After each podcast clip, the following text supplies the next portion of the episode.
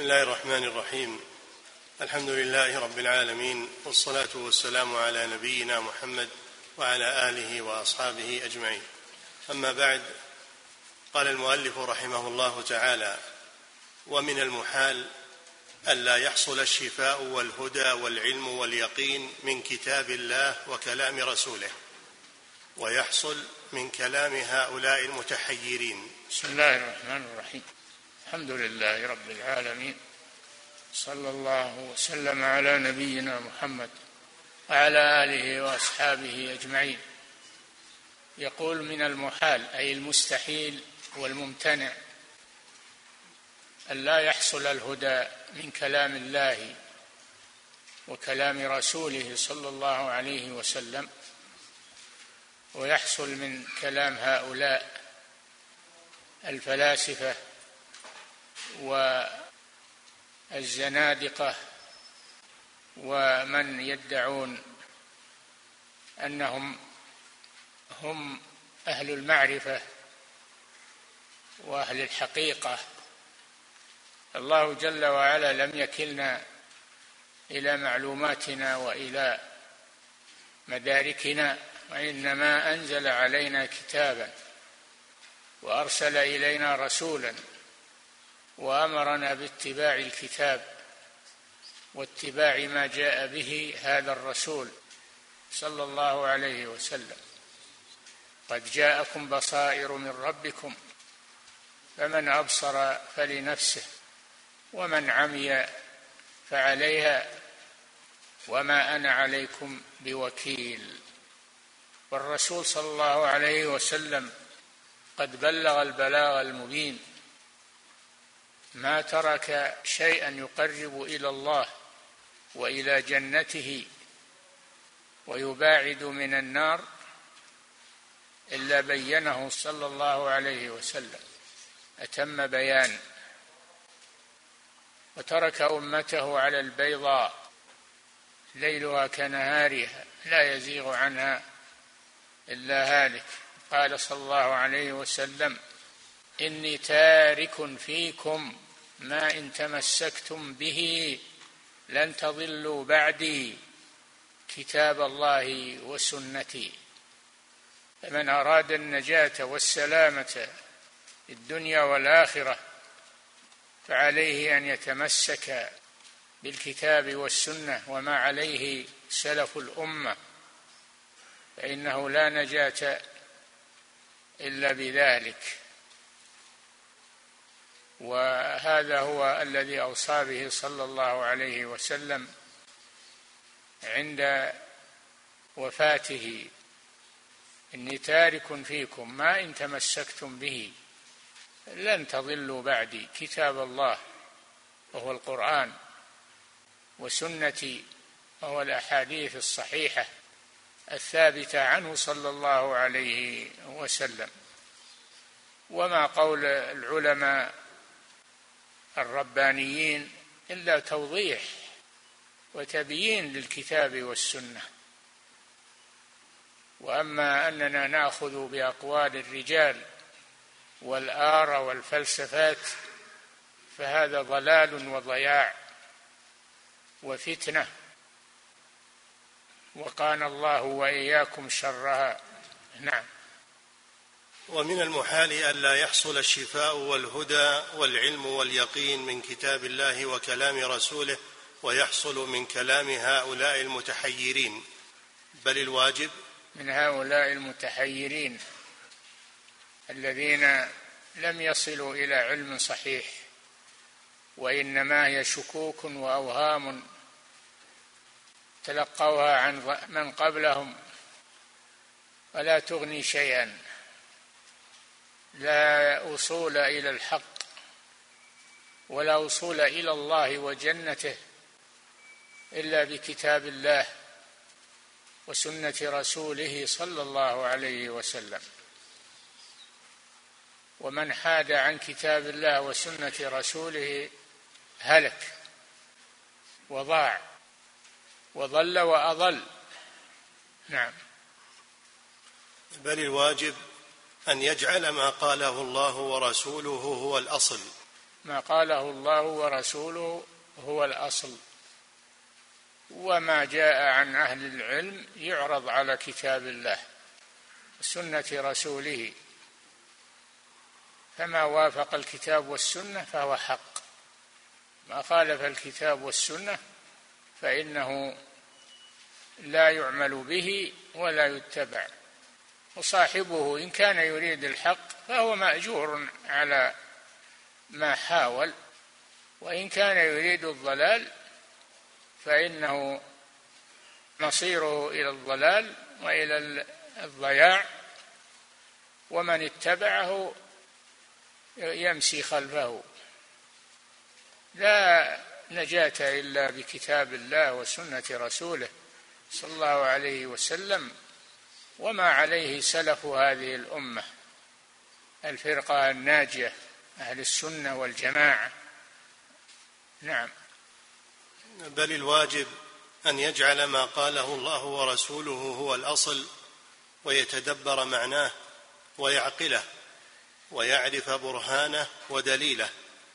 إما هذا هو الواجب أننا نتدبر كتاب الله. كتاب أنزلناه إليك مبارك ليدبروا آياته وليتذكر أولو الألباب فهو أنزله الله للتدبر والاتباع والعمل وهذا من رحمته بنا أنه لم يكلنا إلى أقوال الرجال وآراء الناس وإنما أنزل علينا هذا الكتاب المبين والسنة النبوية والسنة مفسرة للكتاب وهي وحي من الله.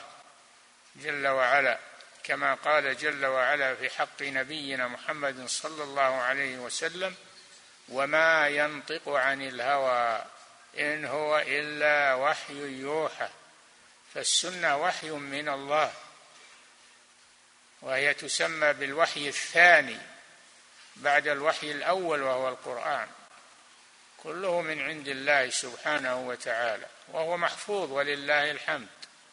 لم يبدل ولم يغير. إنا نحن نزلنا الذكر وإنا له لحافظون. الكتب السابقة من التوراة والإنجيل والزبور وغيرها وكل حفظها إلى العلماء. فضاعت ضاعت بعدهم.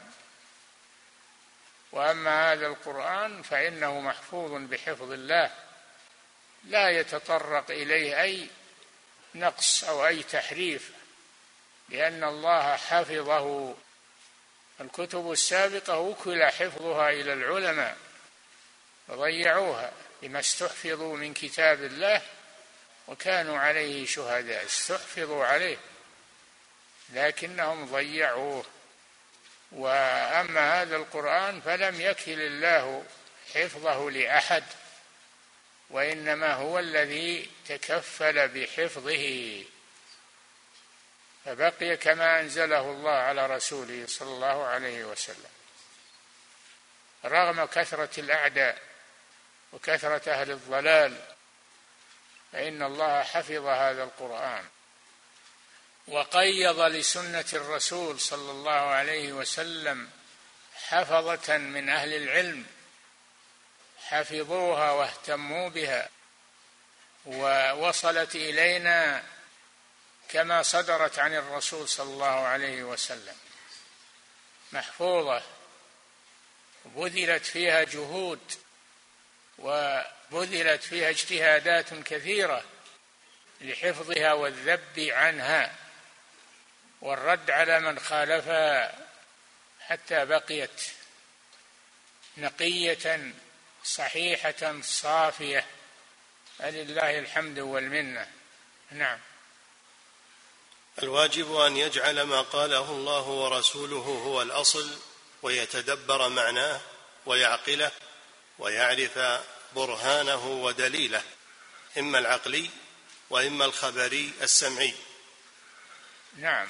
ويعرف دلالة ما وافق الكتاب والسنة أخذنا به من أقوال العلماء وأقوال الرجال. وما خالف الكتاب والسنة فهو مردود على صاحبه كائنا من كان حتى ولو كان من أكابر أهل العلم. والإمام الشافعي رحمه الله يقول إذا صح الحديث فهو مذهبي.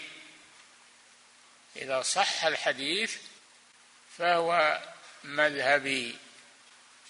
وغيره أيضا يقولون بهذا. لا يقولون للناس اتبعونا وخذوا أقوالنا.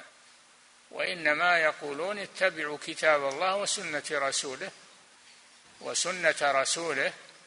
وما كان من كلام العلماء فإنه يعرض على الأصلين الكتاب والسنة.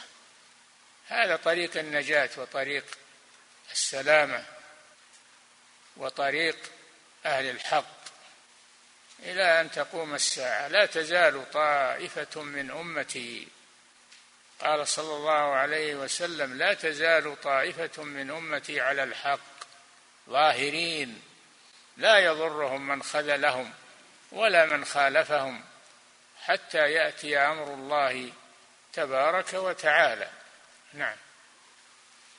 ما قاله الله ورسوله هو الأصل ويتدبر معناه ويعقله ويعرف برهانه ودليله إما العقلي وإما الخبري السمعي ويعرف دلالته على هذا وهذا ويجعل أقوال الناس التي توافقه وتخالفه متشابهة مجملة فيقال لأصحابها هذه الألفاظ تحتمل كذا وكذا.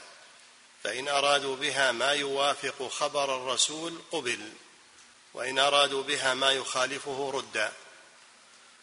وهذا مثل الله الذي أنزل الكتاب بالحق والميزان. الميزان توزن به توزن به أقوال الرجال وأقوال الناس توزن بالكتاب والسنة. ميزان. ما وافقهما فهو حق وما خالفهما فهو مردود. نعم.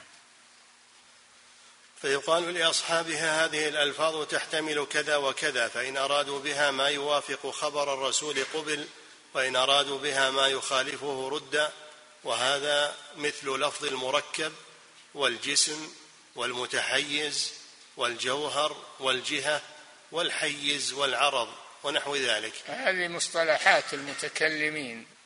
ما كان له معنى صحيح يوافق الكتاب والسنة نأخذ به وما خالف الكتاب والسنة تركناه. وهي مثل هذه المصطلحات وهي يقول وهذا مثل لفظ المركب. مثل لفظ المركب من الصفة والموصوف وما أشبه ذلك. نعم. والجسم. والجسم يقولون الصفات والأسماء تقتضي التجسيم. ونحن لا نقول بالتجسيم فنقول التجسيم هذا من اصطلاحكم ومن ومن قولكم. فإن أريد بالتجسيم إثبات الأسماء والصفات لله فهذا ليس تجسيما وإنما هو حق. أمرنا الله باتباعه وأمرنا الرسول باتباعه. سموه تجسيما أو لا تسموه. هذا هو الحق. نعم. مثل لفظ المركب والجسم والمتحيز والجوهر. المتحيز يعني المنحاز عن غيره. وكهذه اصطلاحاتهم. والعرض والجوهر. كل هذه من اصطلاحات المتكلمين. لا نعبأ بها. لا نعبأ بها. عندنا كتاب الله وسنة رسوله صلى الله عليه وسلم. وما عليه سلف هذه الأمة. نعم. والمتحيز والجوهر والجهة والحيز والعرض ونحو ذلك فإن هذه الألفاظ لم تأت في الكتاب والسنة بالمعنى الذي يريده أهل هذا الاصطلاح بل ولا في اللغة. بل هم يختصون بالتعبير بها عن معان لم يعبر غيرهم عنها بها فتفسر تلك المعاني بعبارات أخر وينظر ما دل عليه القرآن من الأدلة العقلية والسمعية. وإذا وقع الاستفسار والتفصيل تبين الحق من الباطل. نعم عندنا الكتاب والسنة نعرض عليهما مقالات الناس فما وافقهما فهو حق وما خالفهما فهو باطل ومردود. نعم. وإذا وقع الاستفسار والتفصيل تبين الحق من الباطل مثال ذلك في التركيب فقد صار له معان. أحدها التركيب من متباينين فأكثر ويسمى تركيب مزج كتركيب الحيوان من الطبائع الأربع والأعضاء ونحو ذلك. وهذا المعنى منفي عن الله سبحانه وتعالى ولا يلزم من وصف الله تعالى بالعلو ونحوه من صفات الكمال أن يكون مركبا بهذا المعنى المذكور.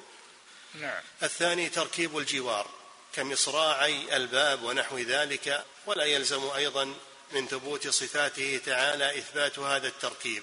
يعني ما نخضع أسماء الله وصفاته الواردة في الكتاب والسنة ما نخضعهما لمصطلحات المتكلمين. ما نخضعهما إلى مصطلحاتهم بل نقبلهما ما أدركنا معناه الحمد لله وما لم ندرك معناه نكله إلى الله ورسوله. فنقول الله ورسوله أعلم. نعم. الثالث التركيب من الأجزاء المتماثلة وتسمى الجواهر المفردة. الرابع التركيب من الهيلوى والصورة. هيولا من الهيولى والصورة. نعم. كالخاتم مثلا هيولاه الفضة وصورته معروفة. وأهل الكلام قالوا إن الجسم يكون مركبا من الجواهر المفردة ولهم كلام في ذلك يطول ولا فائدة فيه. وهو أنه هل يمكن التركيب من جزئين أو من أربعة أو من ستة أو ثمانية أو ستة عشر؟ وليس هذا التركيب لازما لثبوت صفاته تعالى وعلوه على خلقه. نثبتهما على ما يليق على ما يليق بجلال الله. ولا نخضعهما لاصطلاحات المتكلمين ومقالاتهم التي أضلوا بها الناس وشغلوهم ودونوها في كتبهم لا نلتفت إليها ولا نعبأ بها. عندنا كتاب الله سنة رسوله صلى الله عليه وسلم. عندنا ما عليه السلف الصالح من الصحابة والتابعين ومن تبعهم بإحسان وهذا هو الحق وليس بعد الحق. ماذا بعد الحق إلا الضلال؟ نعم. والحق أن الجسم غير مركب من هذه الأشياء وإنما قولهم مجرد دعوى وهذا مبسوط في موضعه. الخامس التركيب من الذات والصفات وهذا سموه تركيبا لينفوا به صفات الرب تبارك وتعالى. وهذا اصطلاح منهم لا يعرف في اللغة ولا في استعمال الشارع فلسنا نوافقهم على هذه التسمية ولا كرامة. ولئن سموا إثبات الصفات تركيبا فنقول لهم العبرة للمعاني لا للألفاظ. سموه ما شئتم فلا يترتب على التسمية بدون المعنى حكم. فلو اصطلح على تسمية اللبن خمرا لم يحرم بهذه التسمية. نعم. فلو اصطلح على تسمية اللبن خمرا لم يحرم بهذه التسمية. أي نعم. أي تسمية من عندهم؟ اللبن حلال طيب ونافع ومفيد. ولو سموه بغير اسمه ما, ما يضر هذا ولا يغير حقيقة اللبن. نحن لا نلتفت إلى فلسفاتهم وأقوالهم ومصطلحاتهم التي شغلوا بها الناس وأضلوهم بها عن الحق. نعم. السادس التركيب من الماهية ووجودها وهذا يفرضه الذهن أنهما غيران. وأما في الخارج هل يمكن ذات مجردة عن وجودها ووجودها مجرد عنها؟ هذا محال. فترى أهل الكلام يقولون هل ذات الرب وجوده أم غير وجوده؟ ولهم في ذلك خبط كثير. وأمثلهم طريقة رأي الوقف والشك في ذلك. وكم زال بالاستفسار والتفصيل كثير من الأضاليل والأباطيل. نعم ما نقبل الأشياء على ظاهرها وعواهنها بل نعرضها على كتاب الله وسنة رسوله وما عليه سلف هذه الأمة. ما عرف الصحابة والتابعون هذه المصطلحات الجوهر والعرض والمركب وإلى غير ذلك. ما عرفوا هذه المصطلحات. نعم. وسبب الضلال الإعراض عن تدبر كلام الله وكلام رسوله والاشتغال بكلام اليونان والآراء المختلفة.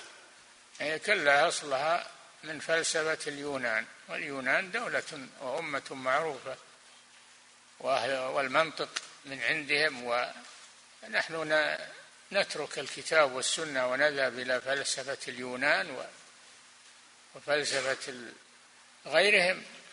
هذا ضلال مبين. الله لم يكلنا إلى عقولنا ولا إلى اصطلاحاتنا. الحمد لله الكتاب والسنة.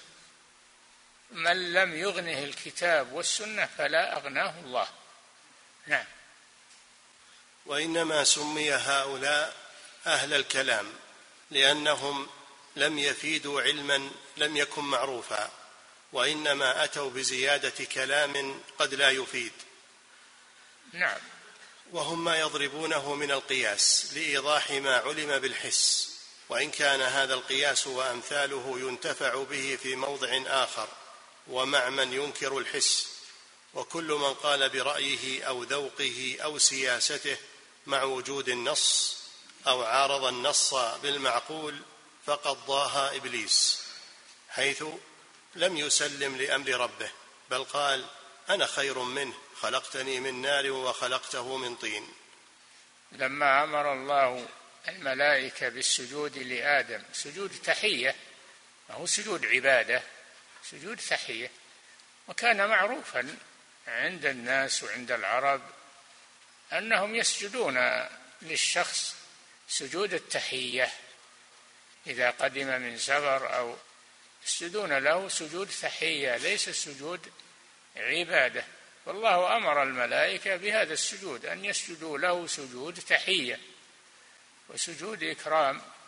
فسجدوا طاعة لله إلا إبليس لأن إبليس كان مع الملائكة كان مع الملائكة يتعبد مع الملائكة في السماء. ثم لما جاء هذا الأمر من الله أن يسجدوا لآدم تكبر إبليس وقال أنا خير منه خير من آدم خلقتني من نار وخلقته من طين. هذا قياس. يقولون أول من قاس القياس الفاسد إبليس. خلقتني من نار خلقته من طين. وجعل الطين إنه ما لا فائدة فيه. والنار فيها فائدة. وهذا بالعكس الطين فيه فائدة. الطين ينبت النبات وفيه بركة ويحصل منه الخير. والنار محرقة مجرد إحراق تتلف الأشياء. فالطين خير من النار. الطين خير من النار. لأن الطين ينتج وينفع. وأما النار فإنها تتلف فقط. تحرق وليس لها إنتاج؟ نعم.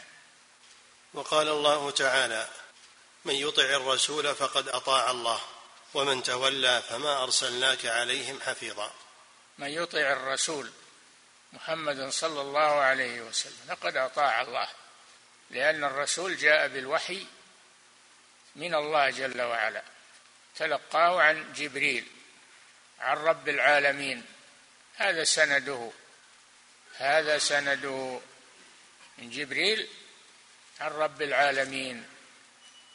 فكيف نترك هذا ونذهب إلى قول فلان والفلسفة الفلانية والفيلسوف الفلاني والمتكلم؟ نعم. من يطع الرسول فقد أطاع الله. قول الإمام مالك رحمه الله أو كلما جاءنا رجل أجدل من رجل تركنا ما نزل به جبريل على محمد صلى الله عليه وسلم لجدل هؤلاء؟ نعم. من يطع الرسول فقد أطاع الله ومن تولى فما أرسلناك عليهم حفيظا. من يطع الرسول فقد أطاع الله ومن تولى يعني لم يطع الرسول فحسابه على الله. الرسول بلغه وما أرسله الله حفيظا على الناس يحاسبهم عن أعمالهم. هو بلغ عليه البلاغ المبين وقد بلغ عليه الصلاة والسلام. نعم. وقال الله تعالى قل إن كنتم تحبون الله فاتبعوني يحببكم الله ويغفر لكم ذنوبكم والله غفور رحيم. نعم هذه الآية هذه هي الفاصلة وهي قاصمة الظهور لهؤلاء. يزعمون أنهم يحبون الله. الصوفية يبنون دينهم على المحبة وأنهم يحبون الله ولا يتبعون الرسول صلى الله عليه وسلم. يقولون الرسول للعوام وأما نحن فقد وصلنا إلى الله عز وجل وعرفنا يسمونه العارف بالله. عرفنا فلسنا بحاجة إلى الرسول لأن الرسول للعوام اللي ما عندهم معرفة. كذا يقولون. قبحهم الله. نعم. قل إن كنتم تحبون الله فاتبعوني يحببكم الله هذه آية الامتحان. من يحب الله فليتبع الرسول صلى الله عليه وسلم. ومن لم يتبع الرسول فإنه ضال. هذا هو المقياس. نعم. وقال الله تعالى فلا وربك لا يؤمنون حتى يحكموك فيما شجر بينهم ثم لا يجدوا في أنفسهم حرجا مما قضيت ويسلموا تسليما. أقسم الله سبحانه وتعالى بنفسه فلا وربك فلا وربك هذا قسم فلا وربك لا يؤمنون حتى يحكموك فيما شجر بينهم اختلفوا فيه حكم الرسول صلى الله عليه وسلم فيما اختلفوا فيه من أمور الدين وأمور الدنيا وجميع وجميع الأمور. الحكم فيما اختلفوا فيه إلى الرسول صلى الله عليه وسلم. وما اختلفتم فيه من شيء فحكمه إلى الله. والرسول مبلغ عن الله سبحانه وتعالى. فلا وربك لا يؤمنون حتى يحكموك فيما شجر بينهم فيما اختلفوا فيه. ثم لا يجدوا في أنفسهم حرجا مما قضيت بل يسلمون ويرتاحون لحكم الله ورسوله ويسلموا تسليما ينقادون انقيادا. نعم. أقسم سبحانه بنفسه أنهم لا يؤمنون حتى والله جل وعلا يقسم بنفسه ويقسم بما شاء من خلقه الشمس وضحاها والقمر إذا تلاها ونفس وما سواها يقسم بما شاء من خلقه والتين والزيتون وطور سينين. ولا يقسم إلا بشيء له شان. ما يقسم إلا بشيء له شان. أما المخلوق فلا يقسم إلا بالله. من كان حالفا فليحلف بالله أو ليصمت. من حلف بغير الله فقد كفر أو أشرك. فلا يجوز الحلف إلا بالله سبحانه بصفة من صفاته. نعم. أقسم سبحانه بنفسه أنهم لا يؤمنون حتى يحكموا نبيه ويرضوا بحكمه ويسلموا تسليما. لا بد من هذه الأمور. اولا يحكمون الرسول صلى الله عليه وسلم ولا يحكمون غيره.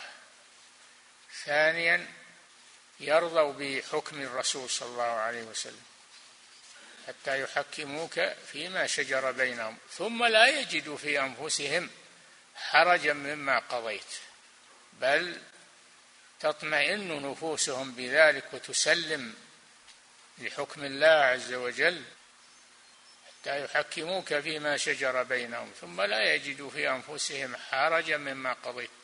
ثالثا يسلموا تسليما. نعم.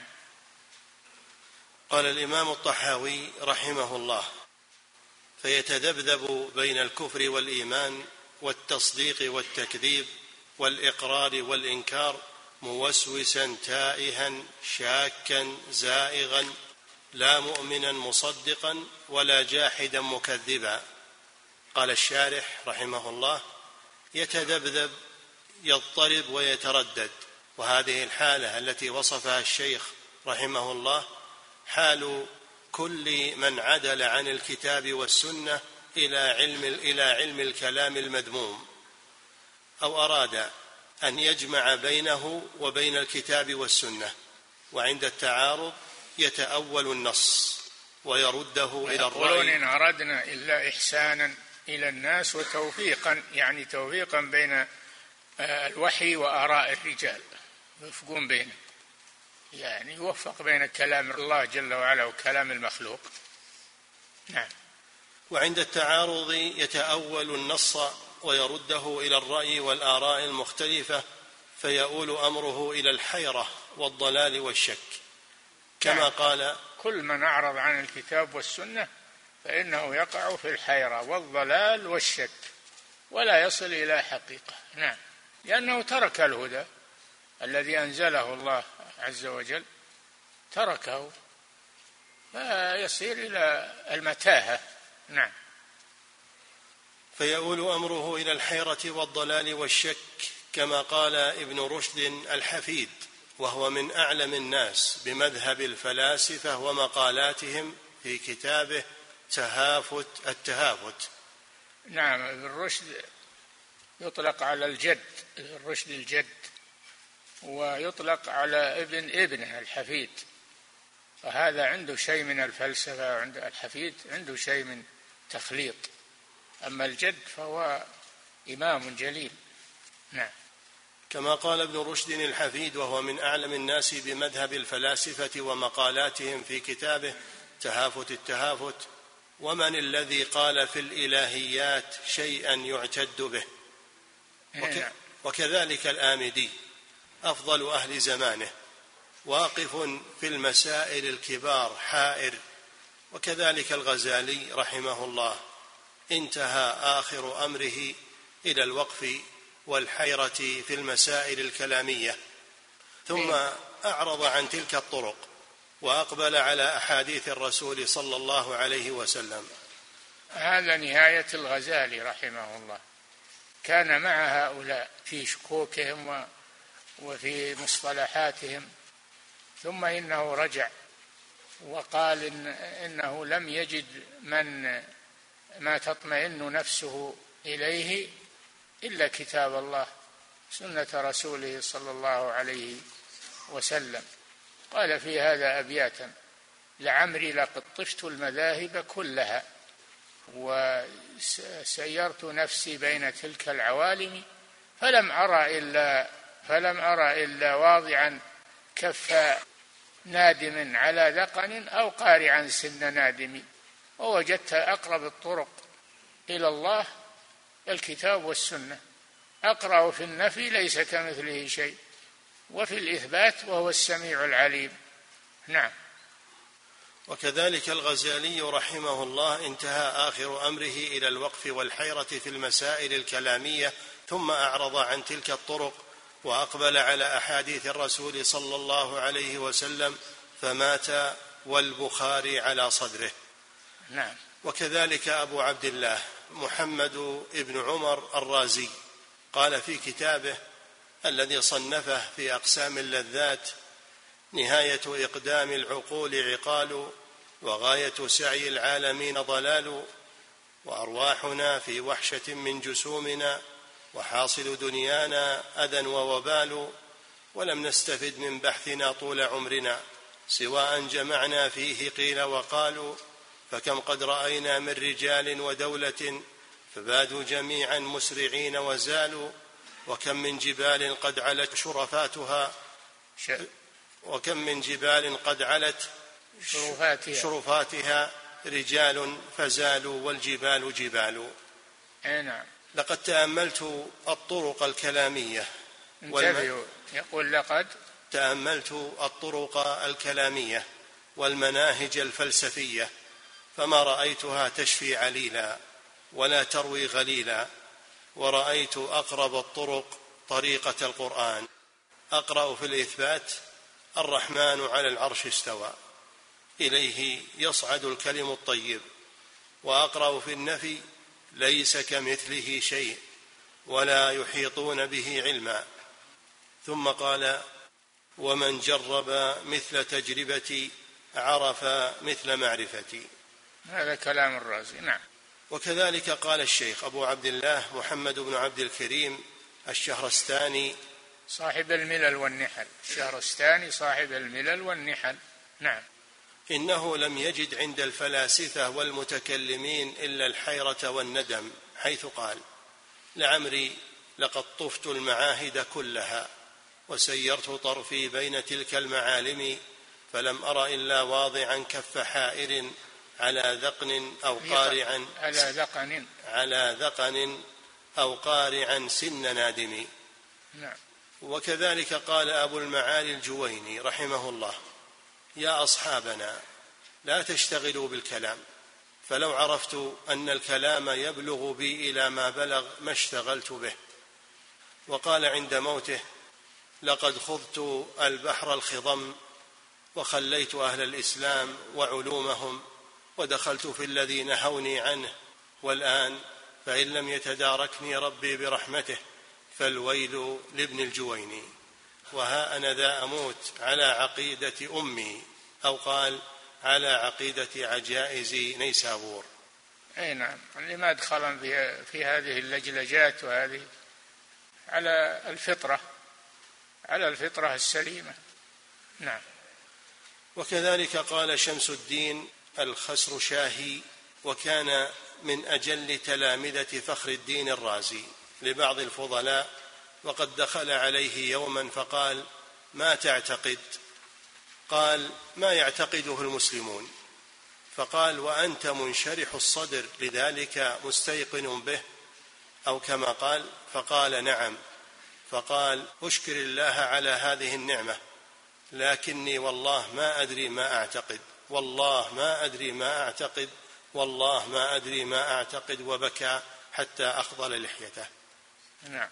ولابن أبي الحديد الفاضل المشهور بالعراق فيك يا أغلوطة الفكر حار أمري وانقضى عمري. فيك فيك, يا أغلوطة الفكر الفكري فيك يا أغلوطة الفكر حار أمري وانقضى عمري. عمري. وانقضى عمري. سافرت فيك فيك. سافرت فيك العقول فما سافرت. فيك العقول. سافرت فيك العقول. نعم. سافرت فيك العقول فما ربحت إلا أذى السفر. فلح الله الأولى زعموا أنك المعروف بالنظر. كذبوا إن الذي ذكروا خارج عن قوة البشر. نعم. وقال الخونجي عند موته ما عرفت مما حصلته شيئا سوى. أن الممكن يفتقر إلى المرجح. ثم قال الإفتقار وصف سلبي أموت وما عرفت شيئا. وقال آخر أضطجع على فراشي وأضع الملحفة على وجهي وأقابل بين حجج هؤلاء وهؤلاء حتى يطلع الفجر ولم يترجح عندي منها شيء. ومن يصل إلى مثل هذه الحال إن لم يتداركه الله برحمته وإلا تزندق. نعم. كما قال أبو يوسف. من أعرض عن الكتاب والسنة وقع في الزندقة. نعم. كما قال أبو يوسف رحمه الله من طلب الدين بالكلام تزندق. أبو يوسف تلميذ أبي حنيفة نعم. كما قال أبو يوسف رحمه الله من طلب الدين بالكلام تزندق ومن طلب المال بالكيمياء أفلس ومن طلب غريب الحديث كذب. نعم. وقال الشافعي رحمه الله حكمي في أهل الكلام أن يضربوا بالجريد والنعال ويطاف بهم في القبائل والعشائر ويقال هذا جزاء من ترك الكتاب والسنة وأقبل على الكلام. علم يعني علم الكلام الجدل نعم. وقال لقد اطلعت من أهل الكلام على شيء ما ظننت مسلما يقوله. ولا أن يبتلى العبد بكل ما نهى الله عنه ما خلا الشرك بالله خير له من أن يبتلى بالكلام. انتهى. وتجد أحد هؤلاء عند الموت يرجع إلى مذهب العجائز فيقر بما أقروا به ويعرض عن جائز على الفطرة يعني على الفطرة يرجع إلى الفطرة. نعم. وتجد أحد هؤلاء عند الموت يرجع إلى مذهب العجائز فيقر بما أقروا به ويعرض عن تلك الدقائق المخالفة لذلك التي كان يقطع بها ثم تبين له فسادها أو لم يتبين له صحتها فيكونون في نهاياتهم إذا سلموا من العذاب بمنزلة أتباع أهل العلم من الصبيان والنساء والأعراب. نعم. والدواء النافع لمثل هذا المرض ما كان طبيب القلوب صلوات الله وسلامه عليه يقوله إذا قام من الليل يفتتح صلاته. اللهم رب جبرائيل وميكائيل وإسرافيل فاطر السماوات والأرض عالم الغيب والشهادة أنت تحكم بين عبادك فيما كانوا فيه يختلفون اهدني لما اختلف فيه من الحق بإذنك إنك تهدي من تشاء إلى صراط مستقيم. خرجه مسلم. هذا ما كان النبي صلى الله عليه وسلم يفتتح به صلاة الليل بهذا الدعاء العظيم. نعم. اللهم رب جبرائيل وميكائيل وإسرافيل فاطر السماوات والأرض عالم الغيب والشهادة أنت تحكم بين عبادك فيما كانوا فيه يختلفون اهدني لما اختلف فيه من الحق بإذنك. إنك تهدي من تشاء إلى صراط مستقيم. خرجه مسلم. توسل صلى الله عليه وسلم إلى ربه بربوبية جبرائيل وميكائيل وإسرافيل أن يهديه لما اختلف فيه من الحق بإذنه. جبرائيل موكل بالوحي الذي فيه حياة الذي فيه حياة الروح. جبرائيل وإسرافيل موكل بالنفخ في الصور الذي فيه حياة الأبدان وميكائيل موكل بالقطر الذي به حياة الأرض بعد موتها. نعم. اللهم توسل صلى الله عليه وسلم إلى ربه بربوبية جبرائيل وميكائيل وإسرافيل. نعم. أن يهديه لما اختلف فيه من الحق بإذنه. إذ حياة القلب بالهداية. وقد وكل الله سبحانه هؤلاء الثلاثة بالحياة. فجبريل موكل بالوحي الذي هو سبب حياة القلوب. نعم. وميكائيل بالقطر الذي هو سبب حياة الأبدان وسائر الحيوان. وإسرافيل بالنفخ في الصور الذي هو سبب حياة العالم وعود الأرواح إلى أجسادها. فالتوسل إلى الله سبحانه بربوبية هذه الأرواح العظيمة الموكلة بالحياة له تأثير عظيم في حصول المطلوب. والله المستعان. نعم. قال الإمام الطحاوي رحمه الله ولا يصح الإيمان بالرؤية لأهل دار السلام لمن اعتبرها منهم بوهم أو تأولها بفهم إذ كان تأويل الرؤية وتأويل كل معنى يضاف إلى الربوبية ترك التأويل ولزوم التسليم وعليه دين المسلمين ومن لم يتوقى النفي والتشبيه زل ولم يصب التنزيه. قال الشارح رحمه يكفي. الله. يكفي. نعم. فضيلة الشيخ وفقكم الله هذا سائل يقول الأدلة العقلية هل هي من الأدلة الشرعية؟ لا أي من الأدلة الشرعية؟ أدلة عقلية. مردها للعقل. نعم. فضيلة الشيخ وفقكم الله هذا سائل يقول ذكرتم حفظكم الله أننا نعرض كلام العلماء على الكتاب والسنة فما وافقه قبلناه وإلا فلا. السؤال من يستطيع هذا العرض؟ هل هو خاص بالعلماء أم ماذا نصنع؟ نعم هذا خاص بالعلماء وأما العوام فيرجعون إلى العلماء. يسألون العلماء قال تعالى فاسألوا أهل الذكر إن كنتم لا تعلمون. نعم. فضيلة الشيخ وفقكم الله ألفاظ المتكلمين كالجسم والجوهر والحيز وغيرها إذا أرادوا بها معنى صحيحا هل تنكر هذه الألفاظ التي لم ترد في كتاب الله؟ أي نعم تنكر هذه الألفاظ وما فيها من معنى صحيح فهو موجود في الكتاب والسنة. لا حاجة إليها. نعم. فضيلة الشيخ وفقكم الله سجود التحية. هل يجوز أن يسجد الإنسان لأبيه أو لإخوته في هذا الزمن؟ نسخ هذا يا أخي نسخ. سجود التحية نسخ. فلا يسجد أحد لأحد؟ نسخ هذا نعم. لما أرادوا أن يسجدوا للنبي صلى الله عليه وسلم سجود التحية منعهم من ذلك. وقال لو كنت آمرا أحدا أن يسجد لأحد لأمرت المرأة أن تسجد لزوجها. نعم. فضيلة الشيخ وفقكم الله هذا سائل يقول رجل أسلم وقد كان كافرا وعنده حديقة للخنازير. يقول كيف يتخلص منها تخلصا شرعيا؟ يخرج الخنازير منها ويستعمل الحديقة فيما أباح الله عز وجل. نعم. فضيلة الشيخ وفقكم الله هذا سائل يقول هل يصح أن أكذب على والدي لمصلحتهما فيما بعد؟ إذا كان هذا ما يضر وإنما ينفع فلا بأس بذلك. نعم. فضيلة الشيخ وفقكم الله هذا سائل يقول هذا يسمونه الكذب للمصلحة. مثل الزوج يكذب على زوجته لأجل صلاح العشرة. أنا أحبك أنا سآتي لك بكذا وكذا. يريد أن يصلح العشرة. وكذلك الحاكم مع رعيته لأجل إصلاح السياسة. نعم. فضيلة الشيخ وفقكم الله هذا سائل يقول ما حكم من يخوض في أعراض المسلمين؟ اتباعا للظن وعدم جزم بالخطأ منهم. لا يجوز هذا لا يجوز هذا. يحسن الظن بالمسلمين ولا يتمادى في تطلب عثراتهم. نعم.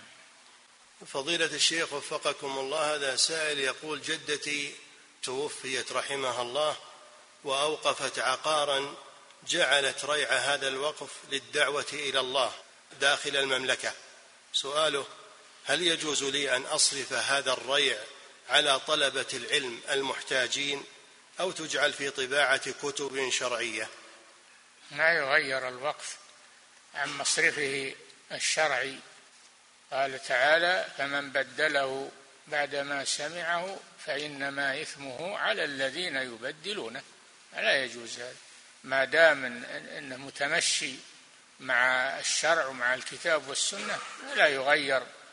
ولهذا يقولون نص الواقف كنص الشارع معنى أنه يجب تنفيذه والعمل به ولا يغير ما دام أنه لا يخالف الكتاب والسنة.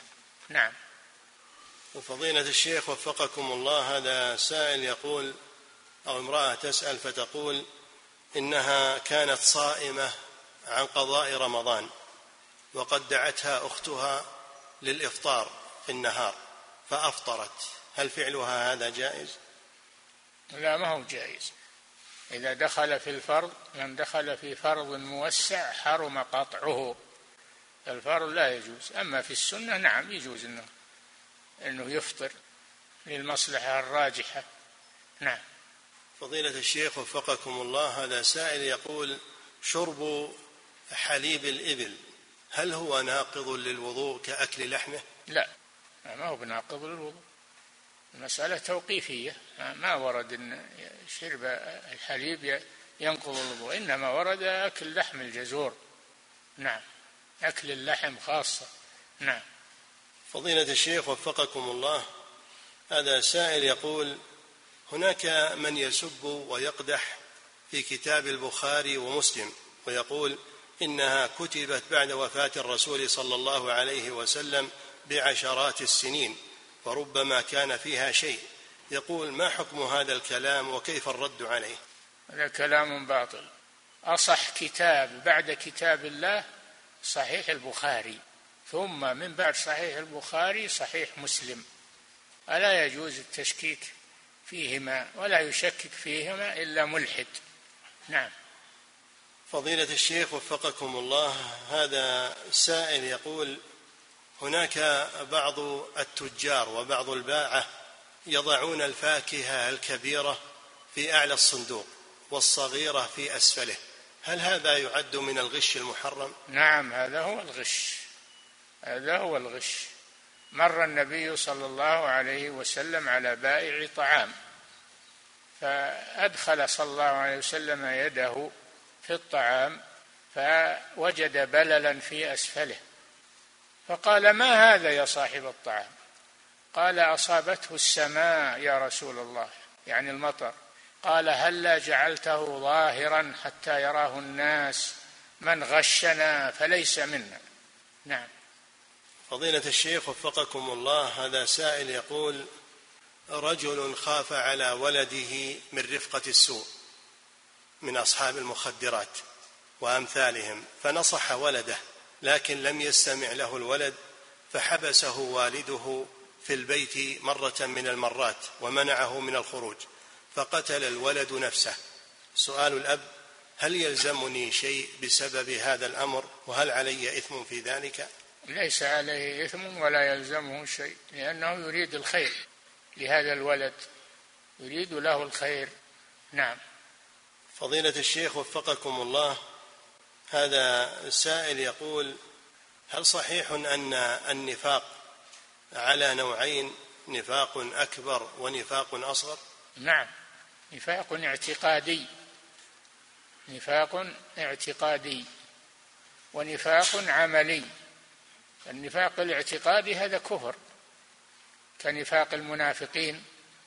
الذين نزل القرآن بالتحذير منهم وذمهم هذا اعتقادي كفر ونفاق عملي هذا يعتبر من الكبائر لكنه ليس بمكفر.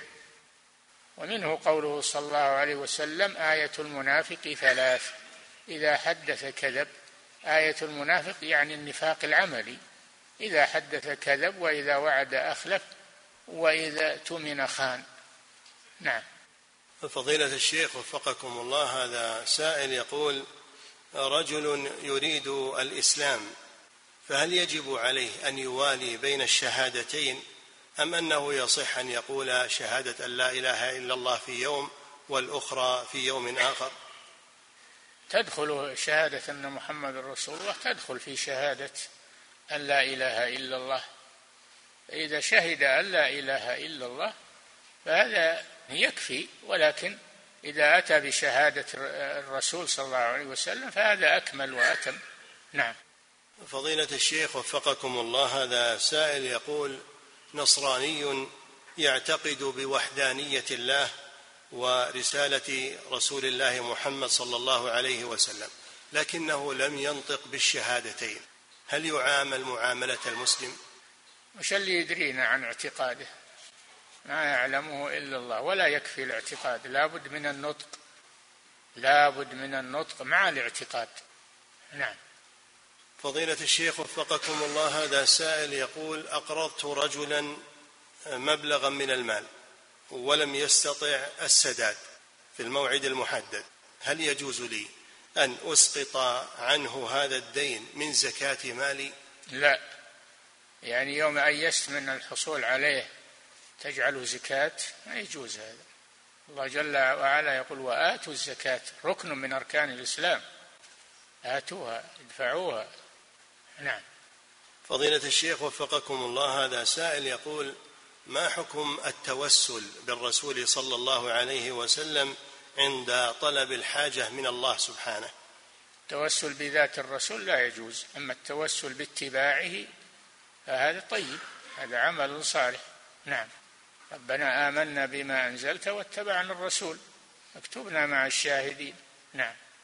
فضيلة الشيخ وفقكم الله هذا سائل يقول ما حكم محبة المبتدع والتبسم في وجهه والسلام عليه؟ البدعة تختلف بدعة كفرية وبدعة دون ذلك.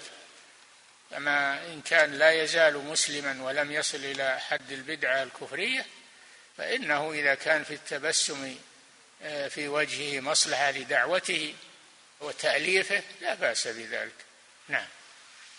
فضيلة الشيخ وفقكم الله هذا سائل يقول هل للمسلم أن يتنقل بين أقوال المذاهب في المسائل في مسائل العبادات إذا كان هناك أمر يحتاج إلى ذلك. يعني يأخذ اللي يصلح له ويترك اللي ما يصلح له ما يجوز هذا.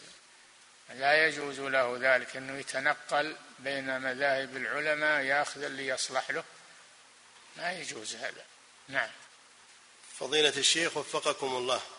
هذا السائل يقول يقولون من تتبع الرخص تزندق وهو الذي يتبع خلاف العلماء وياخذ باللي يصلح له هو. أو يرغب فيه هو. هذا عليه الخطر من الزندقة. نعم.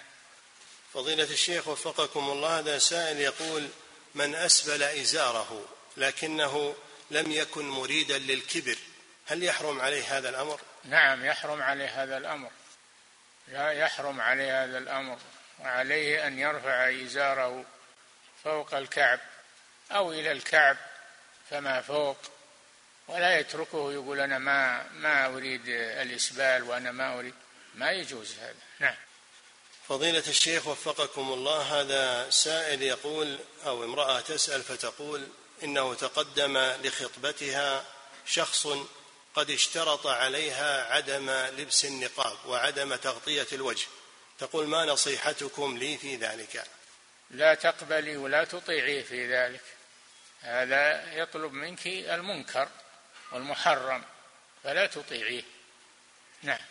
فضيلة الشيخ وفقكم الله هذا سائل يقول إذا فاتتني صلاة قيام الليل فمتى أقضيها من النهار؟ تقضيها من ارتفاع الشمس قيد رمح إلى أن تتوسط الشمس في كبد السماء عند دخول وقت الظهر. نعم.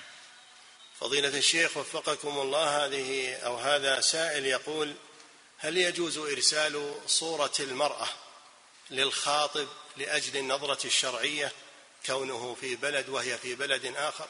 لا. هذا لا يجوز يعني المرأة تصور. هذه فتنة. صورتها فتنة. ولا تتداول. لا تتداول وتروج بين الناس لأجل الخطبة ولأجل ما يجوز هذا. النظر ينظر إليها. ترصد لها حيث لا تشعر وينظر إليها إذا أراد خطبتها. نعم. فضيلة الشيخ وفقكم الله هذا سائل يقول إذا كان شعر الحاجب كثيفا فهل يجوز للمسلم أن يقصه؟ نعم إذا كان يتأذى به يتأذى به أو يشوه وجهه فإنه يقصه إلى الحد المألوف. نعم. فضيلة الشيخ وفقكم الله هذا سائل يقول ما تفسير قول الله سبحانه وما يؤمن أكثرهم بالله إلا وهم مشركون؟ هل المؤمن لديه شركيات؟ هذه نزلت في الكفار أنهم يؤمنون بتوحيد الربوبية وينكرون توحيد الألوهية وما يؤمن أكثرهم بالله إلا وهم مشركون يعني مشركون في الألوهية. نعم العالم كل كلهم يقرون بالربوبية إنما الخلاف في توحيد الألوهية. نعم. فضيلة الشيخ وفقكم الله هذا سائل يقول ما حكم وضع صور على شكل مجسمات من الحيوانات وغيرها للزينة داخل البيوت؟ لا يجوز هذا. لا تدخل الملائكة بيتا فيه كلب ولا صورة. والصورة المجسمة أشد من الصورة التي هي رسم بالقلم أو التقاط بالآلة الفوتوغرافية. المجسم أشد. نعم.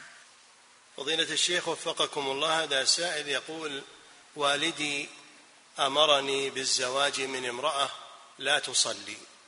يقول هل من البر إجابة هذا الأمر؟ لا. ما تطيع والدك في معصية. تطيعه بالمعروف.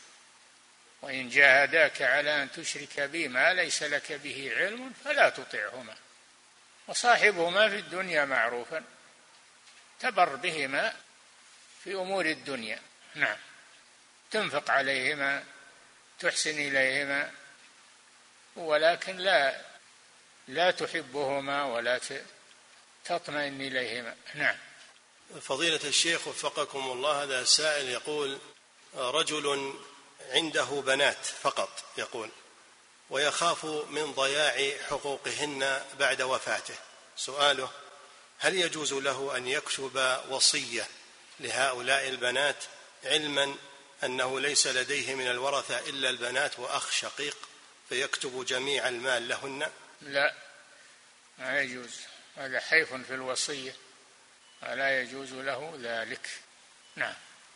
فضيلة الشيخ وفقكم الله هذا لكن إذا قال على المحتاج من البنات لا بأس لأنه ما خصها وإنما علقه بالوصف. نعم. فضيلة الشيخ وفقكم الله هذا سائل يقول هل يباح اصطحاب الأبناء دون سن السادسة إلى المساجد؟ إذا كان يخاف عليهم يصطحبهم ويحفظهم. أما إذا كان لا يخاف عليهم فيتركهم في البيت. نعم. فضيلة الشيخ وفقكم الله هذا سائل يقول من شروط إباحة الزواج بالكتابية أن تكون محصنة. يقول ما المراد بالإحصان هنا؟ العفة عن الزنا. المراد بالإحصان العفة عن الزنا. نعم.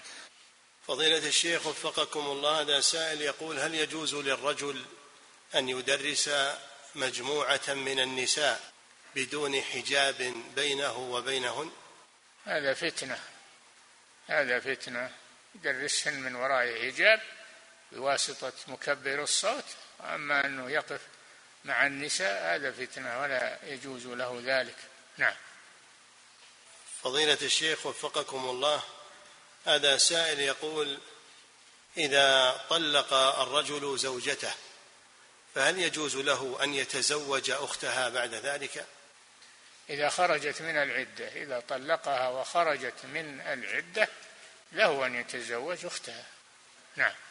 فضيلة الشيخ وفقكم الله هذا سائل يقول ترغيب الأصدقاء والمعارف بصيام يوم الاثنين والخميس ونتسحر ونفطر سويا هل هذا أمر مشروع أم أنه من البدع؟ إذا صادف يعني من غير اتفاق صادف أنهم يفطرون جميعا أو يتسحرون جميعا فلا بأس. أما إذا وضعوا هذا أنهم هذا الصيام الجماعي والإفطار الجماعي هذا لا يجوز هذا بدعة. نعم. فضيلة الشيخ وفقكم الله هذا سائل يقول ما الذي يباح للخاطب من مخطوبته؟ النظر إلى ما يراغبه في الزواج بها إلى وجهها وكفيها. نعم. بدون أن تشعر. بدون أن تشعر. ترصد لها في مكان ينظر إليها. نعم. فضيلة الشيخ وفقكم لأنها لو شعرت تجملت له أحسن أنه يشوفها على الطبيعة. ما نعم. فضيلة الشيخ وفقكم الله. هذا سائل يقول هل يجوز استعمال ما يسمى بخاتم التسبيح أو آلة لعد التسبيح والأذكار؟ لا لا يجوز هذا. يسبح بأصابعه. يعد التسبيحات بأصابعه. هذا هو السنة. نعم. فضيلة الشيخ وفقكم الله هذا سائل يقول هل يباح للإنسان تعلم المنطق؟ لا. ما يباح له تعلم المنطق لأنه قد يستحسنه قد يشتغل به ويترك العلوم الشرعية. نعم. فضيلة الشيخ وفقكم الله وهذا إلا إذا كان قصده يرد عليهم فلا بأس. نعم. فضيلة الشيخ وفقكم الله وهذا سائل يقول ما الراجح في مسألة هل إبليس من الملائكة أو من الجن؟ ما هو من الملائكة يا أخي؟ الله جل وعلا قال كان من الجن. فهو من الجن لكنه يعيش مع الملائكة. نعم. فضيلة الشيخ وفقكم الله. هذه امرأة تسأل فتقول امرأة قد ارتكبت معاص قبل زواجها. قد؟ قد ارتكبت معاص. معاص؟ نعم. يصلح. معاصيها؟ أي نعم.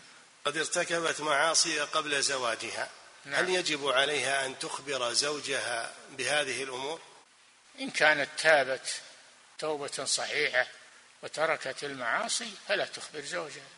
أما إذا كان عندها بقية من المعاصي فإنها تخبر زوجها بذلك. نعم.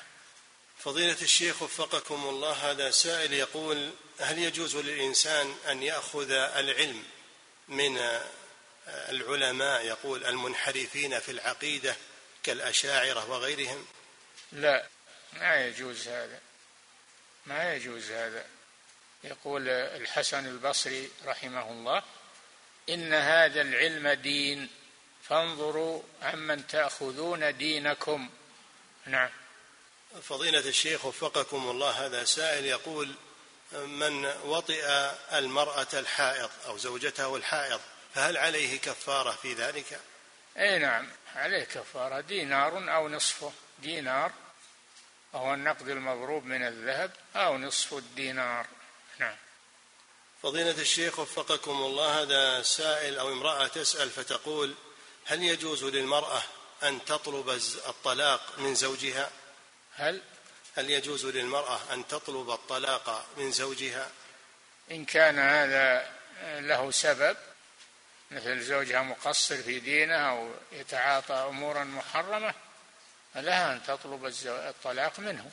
أما إذا كان زوجها مستقيما وليس عنده خلل في دينه ولا في خلقه فليس لها أن تطلب. من سألت زوجها الطلاق من غير ما بأس فحرام عليها رائحة الجنة كما في الحديث. نعم.